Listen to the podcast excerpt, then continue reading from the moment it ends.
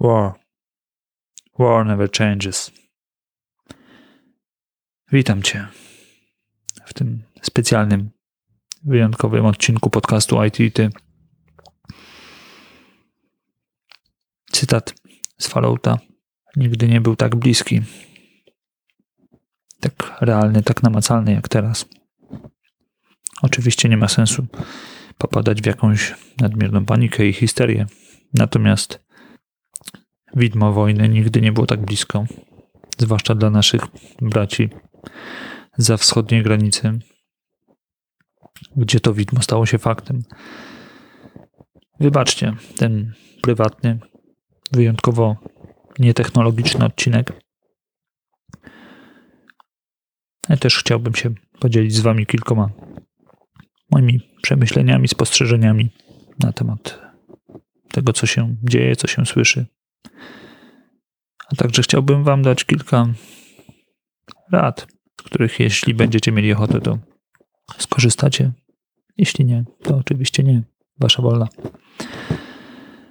E, kilka tematów, które chciałbym poruszyć. Pierwszy z nich to oczywiście wsparcie, którego udzielamy uchodźcom i które bardzo dobrze, że, że w naszym polskim narodzie jest tak oczywiste, że nie trzeba do tego namawiać, tylko każdy czuje tą potrzebę i, i, solidarność z osobami, które pozostawiły swoje domy, żeby ratować swoje życie. Przychodzą do nas, do, do Polaków i już teraz z serca dziękuję wszystkim, którzy angażują się w każdą formę pomocy. Pamiętajmy jednak, że żeby ten zryw pomocowy nie wypalił się zbyt szybko, bo ta pomoc powinna być i pewnie będzie potrzebna długofalowo. Dlatego trzymam kciuki i kibicuję tym wszystkim, którzy, którzy się mocno angażują. Zwróćmy uwagę jednak na to, żeby też nie wywierać presji na pozostałych, którzy może w tym czasie nie mogą pozwolić sobie na jakąś większą pomoc. Zapewne dla nich też to jest w chwili obecnej bardzo trudne.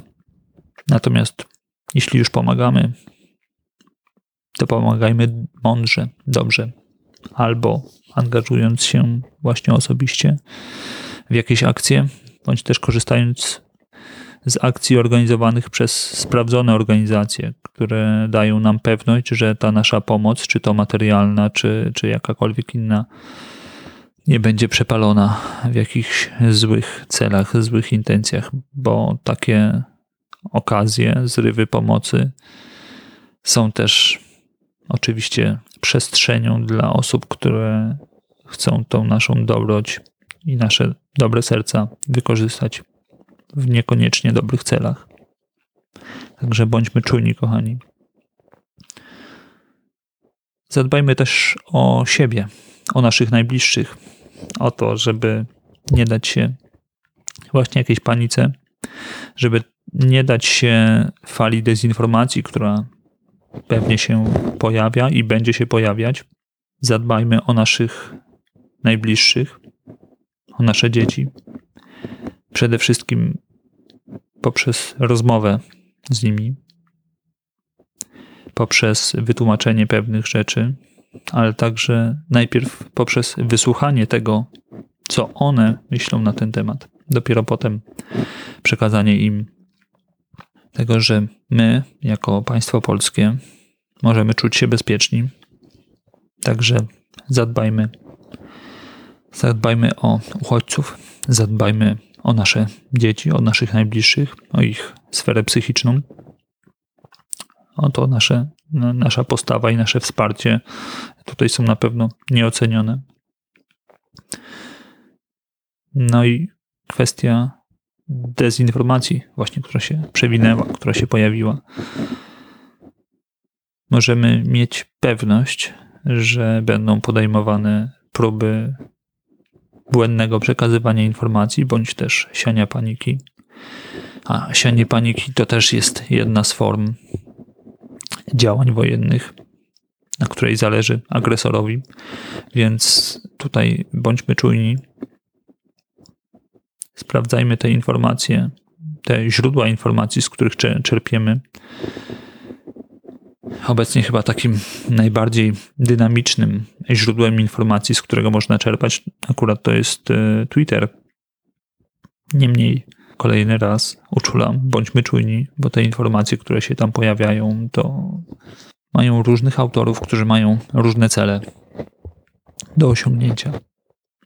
Osobiście najbardziej uderza mnie albo interesuje, o ile tu może być coś interesującego, e, wątek zaangażowania się grupy społeczności Anonymous w walce z reżimem putinowskim, bo tak należy to określić.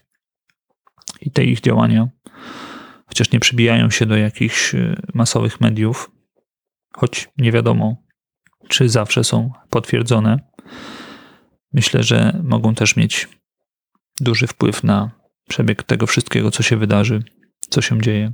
Więc to taki jeden z niewielu wątków technologicznych, który pojawił się tutaj w tym podcaście.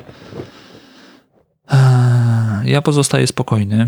Liczę na to, że całe to zło, które się dzieje, niedługo ustanie.